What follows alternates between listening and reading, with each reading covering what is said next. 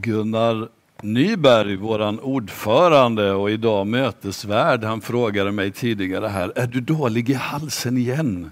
Och jag sa, det är inte nyttigt att skrika på kvällen innan det är gudstjänst. Igår hade vi eh, ungdomarna samlade här i kyrkan till 3.16 och eh, vi lekte och skojade och gjorde en massa roligt och sen eh, var vi också, eh, eller tog vi del av eh, eh, New, New Wines eh, konferens som håller på just nu, sommarkonferensen. Så vi eh, deltog en stund i lovsången och så lyssnade vi på predikan av, ehm, eh, vad heter han nu, John Derneborg eh, igår kväll. Och vi uppmuntrade ungdomarna att var vara med, vara aktiva i, i lovsången och i inlyssnandet av predikan och vara närvarande. Eh, för, för det är ju så att eh, när man sitter och tittar på en skärm så kan det vara lite speciellt. Och nu är det ju ett antal här inne, människor här inne och det är ju fantastiskt roligt. Men du där hemma som sitter och följer oss, eh, följer den här gudstjänsten och är med i gudstjänsten via din TV eller din dator eller mobil eller vad det är. Välkommen till gudstjänst förresten. Men vi vill uppmuntra dig också att eh, vara aktiv i, i närvarandet i gudstjänsten. Eh, vi upplever en Guds närvaro här inne i lovsången just nu i tillbedjan, att bara få vara inför Jesus. Jag tror Jesus vill göra eh, någonting i våra liv den här förmiddagen. Precis som han gjorde igår kväll. En av de som var närvarande här igår eh, vittnade om att eh, efter att ha haft eh, smärta i höger fot så under förbönen i, igår kväll så släppte den smärtan. Och det är fantastiskt roligt när, när vi får vara med och, och liksom att Gud får beröra våra liv både fysiskt och eh, i våra hjärtan likaså.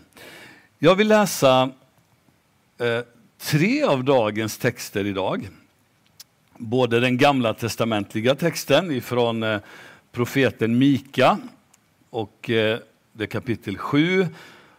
Och sen vill jag gå över till Saltaren, psalm 119. Det är Bibelns absolut längsta psalm, men jag ska inte läsa hela utan bara eh, några få verser där. Och sen eh, evangelietexten. Är ni med? Så jag börjar då i Mika, eh, det sjunde kapitlet. Och där står följande. Vem är en som vem är en Gud som du, som förlåter skuld och inte tillräknar synd hos dem som är kvar av din arvedel? Han håller inte kvar sin vrede för evigt, för han har sin glädje i nåd. Han ska förbarma sig över oss igen och trampa på våra missgärningar. Du ska kasta alla deras synder i havets djup och du ska visa trofasthet mot Jakob och nåd mot Abraham så som du med ed har lovat våra fäder i forntidens dagar. Och det var från Mika 7, 18-20. Och nu går jag till psalm 119 och där läser jag vers 170 till 6. Och så här lyder det. Låt min bön komma inför dig. Rädda mig enligt ditt ord. Mina läppar ska flöda av lovsång, för du lär mig dina stadgar. Min tunga ska sjunga om ditt ord. Alla dina bud är rättfärdiga. Låt din hand bli min hjälp, för jag har valt dina befallningar. Jag längtar efter din frälsning, Herre. Din undervisning är min glädje. Låt min själ leva och lova dig. Låt dina domar hjälpa dig, mig. Jag har kommit vilse, eller jag har gått vilse som ett förlorat får. Sök upp din tjänare, för jag har inte glömt dina bud. Och så slutligen ifrån Lukas kapitel 15.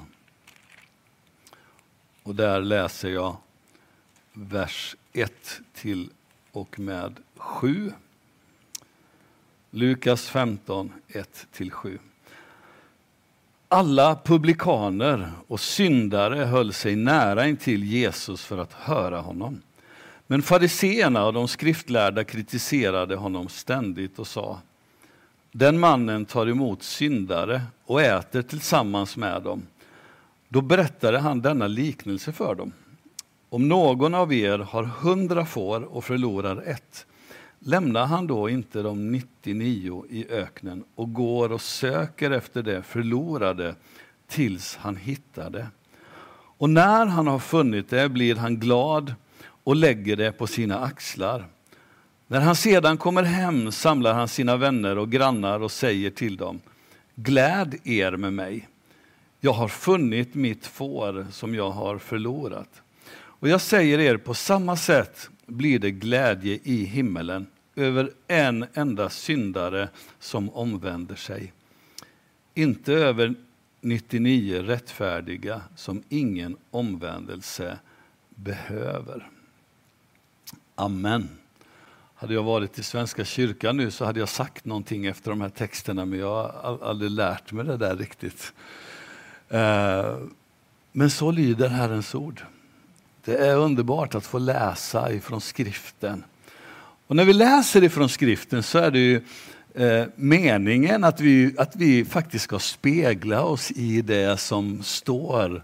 Vi får lära oss ifrån Guds ord, vi får, vi får lyssna till Guds röst in i våra liv, i våra hjärtan och låta Gud tala till oss.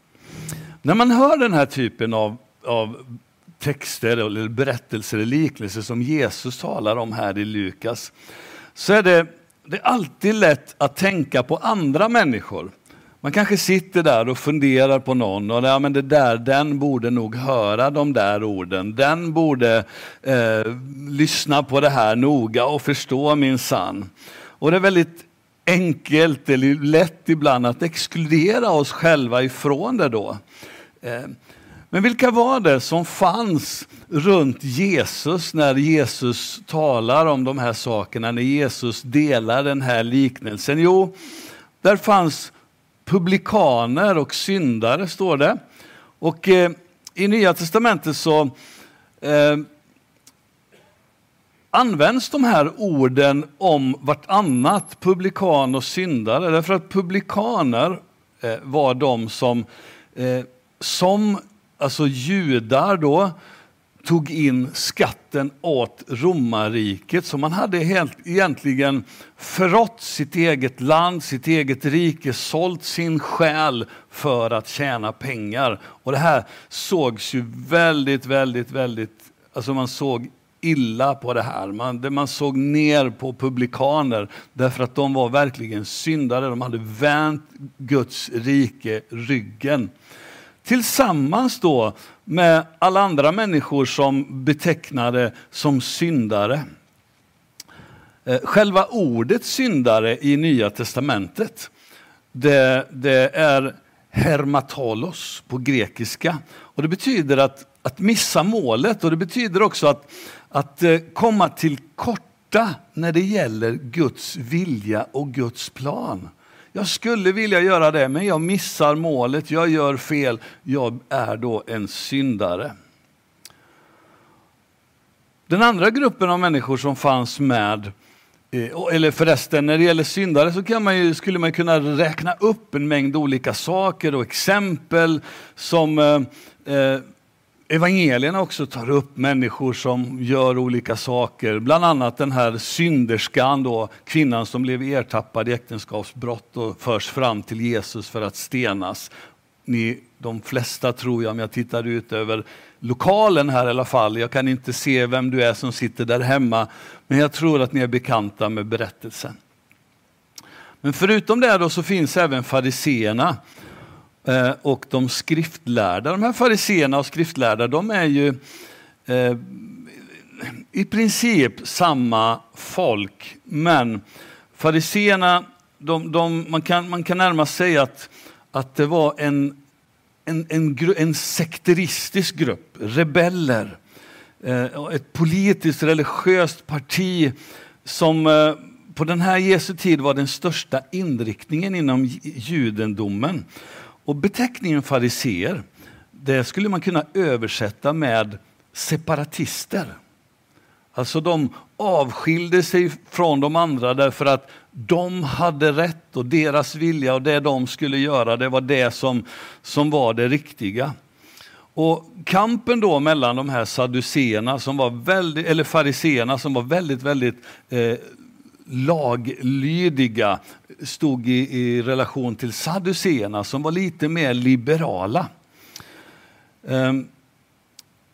och eh, de här människorna de var van, vanligtvis vanliga judar, alltså inte några präster utan de, de var efterföljare av de skriftlärda. De skriftlärda de, de kunde skrifterna, de tillhörde samma gäng, men de här fariseerna de höll lagen väldigt, väldigt tydligt.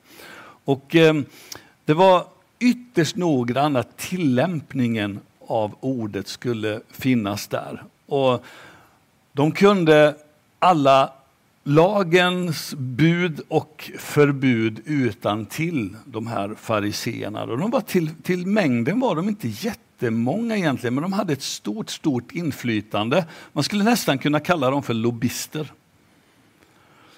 Eh, och lagen om bud och förbud, det var 613 stycken. Och det här det kunde de utan till. Vad får man göra och vad får man inte göra? Och dessutom så skärpte man ju lagen ännu mer för att det här, nu måste verkligen följa lagen. Så ni är bekanta, och även där hemma tror jag, med sabbatsbudet. Ett utav tio Guds bud. Helga sabbaten, eller hur? Du ska inte arbeta på sabbaten, utan det är en vilodag. Men de här fariseerna, för att skärpa lagen då, så la man till extra regler och till många andra lagar också. Som till exempel att man menade om man vandrade längre än en kilometer på en sabbat, om du gick längre än en kilometer, då har du arbetat. Så du får inte gå mer än 999 meter. Ja. Eller um, att bära någonting, oavsett hur lite, det är också arbete. Du fick inte bära något överhuvudtaget. Jag har aldrig varit i Israel, jag skulle jättegärna vilja åka till Israel någon dag. Men eh, några här i församlingen berättade om ett tillfälle när de kommer fram till Israel och in i de här ortodoxa kvarteren. Det gick ju inte att ta hissen. För man kunde inte trycka på knappen till hissen då. För det var ju arbeta. Alltså i nutid. Så det här är ju, är ju fortfarande då, eh, spår av den här farisismen. Men de, de här människorna var ju inga, inga onda människor, det var ju goda människor. En god avsikt, med, tanken var väldigt god. Men, men problemen är ju att, att i sin godhet så ville man också framstå Eh, som, som, som goda och visa ett mönster. Men så här ska det gå till och därför så gärna när man la sin gåva i kollekten eller gav sitt tionde så var det nästan som att är det någon som ser nu? Nu är det någon som ser. Och då så la man i då. Eller vad man nu gjorde för någonting. Så om man skulle be eller något, så skulle man be så att alla skulle höra det och verkligen visa. Um, och nu uppehåller jag mig väldigt mycket kring det här känner jag. Men, men, men poängen är ju att framför vid Jesus och de som lyssnade till Jesu undervisning vid det här läget och den här berättelsen som Jesus har om fåret, det var publikaner och syndare å ena sidan och så var det fariseerna och de skriftlärda som, som var otroligt, otroligt, otroligt kunniga i, i ordet, lagen och så vidare och var ja, högt uppsatta helt enkelt. Frågan är vilken grupp du känner igen dig i idag. Nej, du kanske inte vill identifiera dig med någon av dem. Eh, en, en del eh, eh, kanske har någon bekännelse, jag är syndare och syndare och syndare och så vidare. Men faktum är att det är ingen som gillar ordet synd överhuvudtaget. Jag, jag var lite nyfiken så jag slog in ordet synd på Google. Och så kom jag fram till Wikipedia. Någon som brukar läsa Wikipedia någon gång? Ja, många händer som åker upp. Och inte för att Wikipedia äger sanningen, men det är ju, Wikipedia bygger på kommunitet och du kan ju vara med och förändra Wikipedia, du kan lägga till och, och så information om du vill och, och, om du hittar någonting som är fel. Men i Wikipedia så hittade jag följande. Vill ni höra? Um, synd, det är nära besläktat med omoral, ondska och skuld genom att det betecknar handlingar som inte är acceptabla utifrån ett visst normsystem.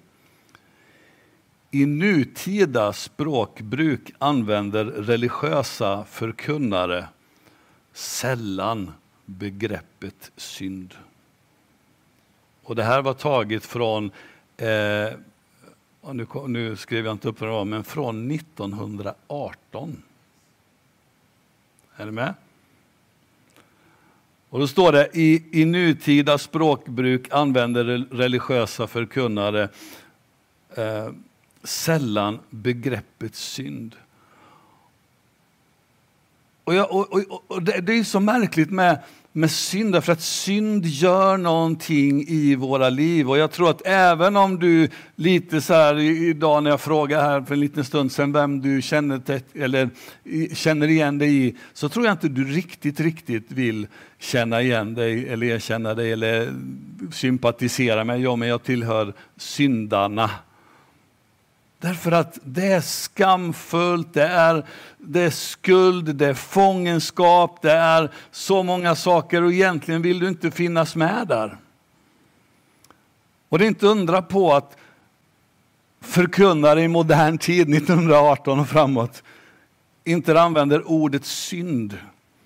Och en sak som jag har reagerat mycket på i vårt samhälle är ju att människor, när människor gör någonting som är fel, någonting som är annorlunda, någonting som är konstigt eller sårar någon eller någonting, så kommer ett ord omedelbart och det är så här, ja, ursäkta.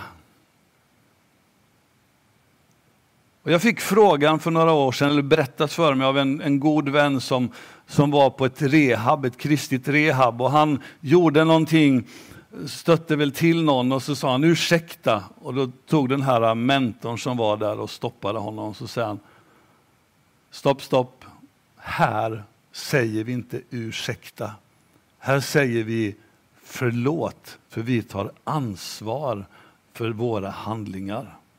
Det är ingenting som är utifrån, ah, det råkade bli så, ah, det var ju inte meningen, ah, utan vi tar ansvar för våra handlingar och vi säger förlåt. Och jag tror att en av anledningarna till att i modern tid, om vi går till 2020-talet, att talet om synd inte är populärt därför att det, det det landar någonstans långt inne i våra liv och pekar på att vi behöver faktiskt göra någonting och det är vända om. Och det är så nödvändigt att vi vänder om från synd. Ibland är det nästan så att vi är så vana att leva vårt liv i vårt lunk och vi gör en massa saker och vi, vi, vi blir nästan fartblinda av det och vi, så många gånger har vi passerat vissa grejer då, utan att bry oss. Så att, så att våra, våra, precis som, som, som eh, eh ett av breven beskriver, så blir våra samveten avtrubbade. Vi hör inte, vi hör inte den helige Andes röst som kallar på oss till frihet, till förändring och till omvändelse. Och det är märkligt hur ända från skapelsen så har människan, och det är inte bara Adam och Eva, utan du vet när man pekar finger så är det oftast tre fingrar som pekar tillbaka, brukar jag säga. Människan har alltid skylt ifrån sig. Ja, men det var Eva. Och Eva säger, nej men det var ormen. Och så vidare. När, när, när vi behöver ta tag i det som finns i våra liv. Om du börjar fundera nu så här, ja, nej, men jag kanske inte är i den kategorin där. Är du då en farisé istället? Är det där du känner igen dig? Ja, allting du är så, nej, jag, på mig är min sann inget fel. Jag är så bra så, jag, jag är inte Guds sämsta barn. Den har vi hört, eller hur? Jag är inte Guds sämsta barn. Jag har ju min sann, jag har gått i söndagsskola och jag har gjort det. Det börjar lukta så här fariseism. Jakobs eh, brevet i fjärde kapitel eh, och den 16 17 versen säger så här. Men nu skryter ni och är självsäkra. Allt sånt skryt är av ondo. Den som alltså förstår att göra det goda men inte gör det, han syndar. Ja, vad har allt det här med vår text att göra då? Jo, jag tror att Jesu tal om fåret inte bara gäller fariseerna i den här texten, utan det gäller alla människor. Jesus, Jesu tal om fåret gäller dig, det gäller mig oavsett vilken av de här eh, massorna eller kategorierna du och jag skulle känna igen oss i. Därför att båda de här kategorierna av människor behöver Jesus. Alla vi behöver Guds nåd i våra liv. Och det jag älskar med Jesus är att han kommer med nådens evangelium. Ett evangelium, ett glädjens budskap som säger min vän, du behöver inte gå mot det där stupet. Du behöver inte fortsätta i den där, mot den där avgrunden. Du behöver inte fortsätta att vandra i mörker. Du behöver inte fortsätta att vandra i, bli, i blindhet. Du behöver inte fortsätta den vägen. Därför att jag har tagit eh, eh jag gav mitt liv på korset för din skull. Jag har betalat priset för din vilsenhet. Och inte bara det, utan Jesus har faktiskt kommit efter dig och mig. Han söker dig och mig precis där vi befinner oss. Precis. Han väntar inte på att du först ska nå en viss nivå av någonting för att han sen ska kunna hjälpa dig, sen ska kunna finnas med dig. Utan han han är där nere tillsammans med dig, förlåt uttrycket, i skiten för att du ska kunna få, få dina fötter ställda på den fasta klippan gång efter annan på nytt av nåd ifrån hans hjärta. Och Jesus är tuff mot dem som inte vill ta emot nåden därför att han tvingar ju inte någon, men Jesus söker efter dig och mig. Han är tuff därför att vända Gud ryggen, vända Gud eller vända nåden ryggen är inget bra alternativ. Jag gillar det här uttrycket som den första versen uttrycker. Alla publikaner och syndare, lyssna, höll sig in till Jesus. De höll sig nära in till Jesus för att höra honom. Och jag tror att den här versen uttrycker någonting väldigt djupt och det är att när du och jag öppnar våra hjärtan till Jesus, när vi öppnar våra hjärtan till att låta ordet drabba oss, när du och jag öppnar våra sinnen, våra, allt det vi är till att låta ordet få träffa oss, så händer det någonting och det är att sanningen börjar ta plats i våra liv. Ljuset kommer på. Jag vet inte om du hemma har tappat någonting och så behöver du riktigt bra belysning för att hitta det. Hemma brukar jag ta fram en pannlampa i sådana lägen, så här riktigt kraftig och så börjar man lysa och helt plötsligt så ser man lite andra saker som man kanske inte ville se ibland. Och det där måste jag också plocka upp och vad det nu kan vara.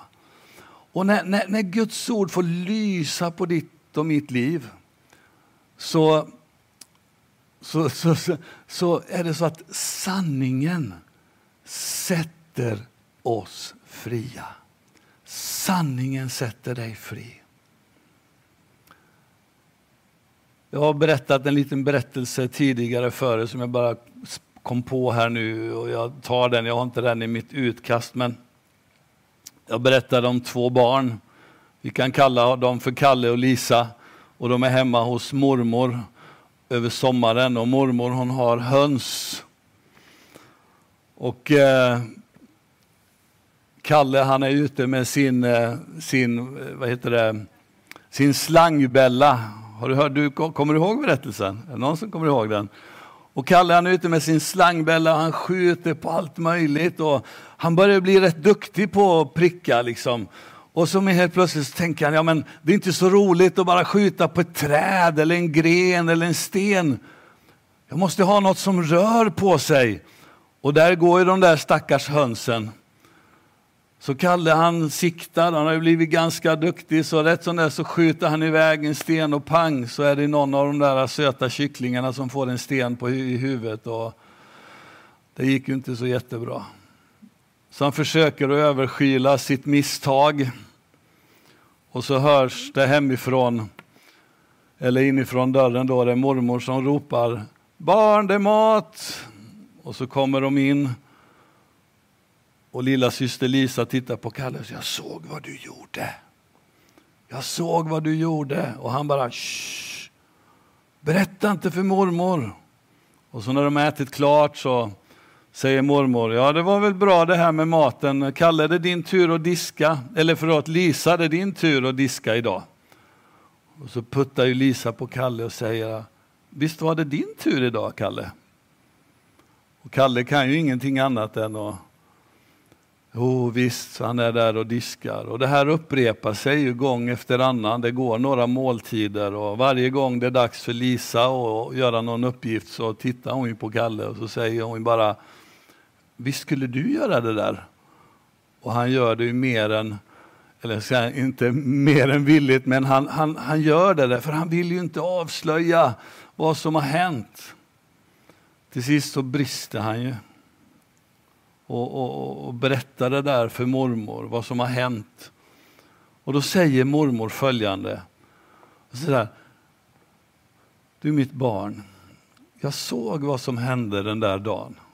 Men jag undrade bara hur länge du skulle vara slav under din lilla syster. Hur länge du skulle vara slav under din synd. Slav under det du gjorde.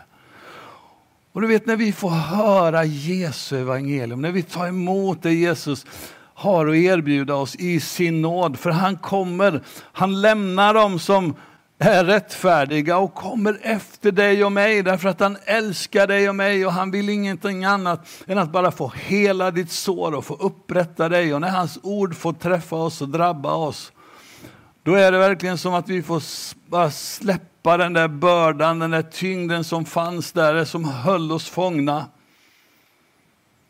Och så får du och jag vara fria.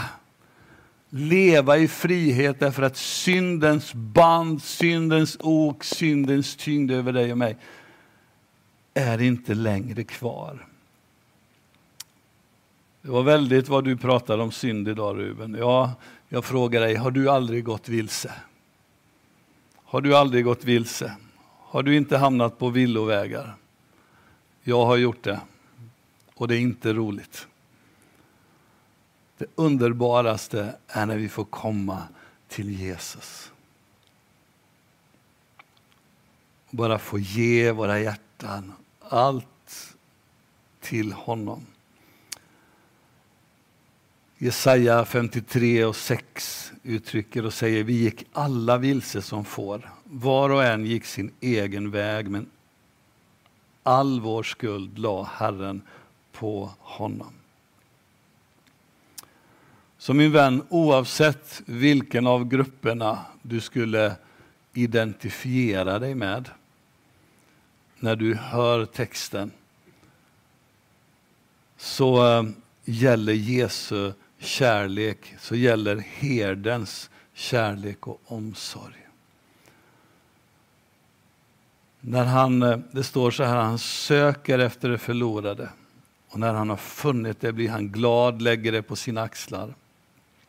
När han sen kommer hem samlar han sina vänner och grannar och säger till dem, gläder med mig, jag har funnit mitt får som jag hade förlorat. Jag säger det på samma sätt blir det glädje i himmelen över en enda syndare som omvänder sig. Inte över 99 rättfärdiga som ingen omvändelse behöver. Glädjen i himmelen gäller den person, gäller dig, gäller mig, när vi vänder om ifrån våran vilsenhet och vänder oss mot Jesus eller till Jesus. Omfamnar nåden ifrån honom därför att hans glädje är i att se dig och mig fria. Amen. Ska vi be tillsammans?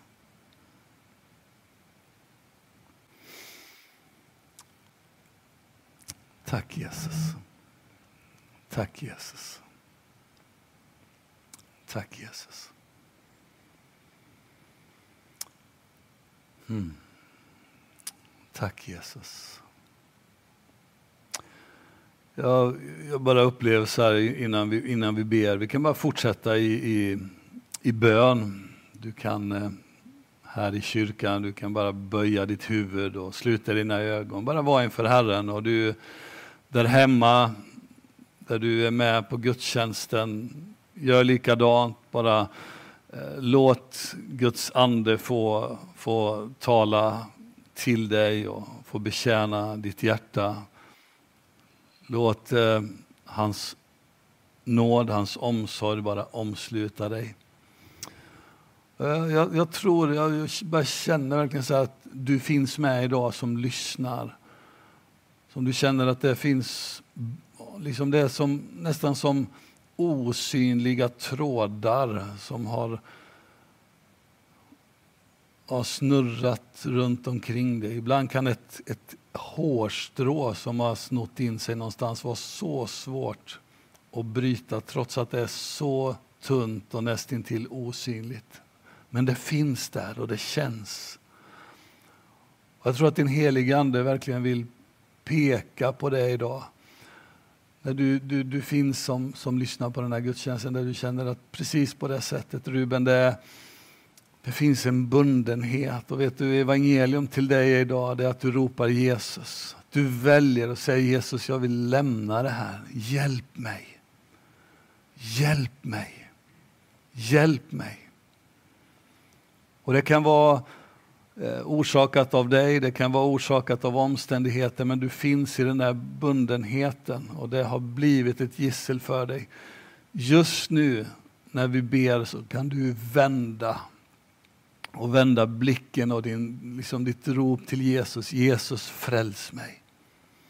Så vill du be den här bönen tillsammans med mig, tyst eller om du vill till och med säga orden efter mig så är du välkommen att göra det. Efter att vi avslutat gudstjänsten idag så skulle jag vilja bjuda dig till förbön om det är någon här i lokalen detta gäller. Men låt oss be tillsammans och be tillsammans med mig. Låt den här bönen bli din.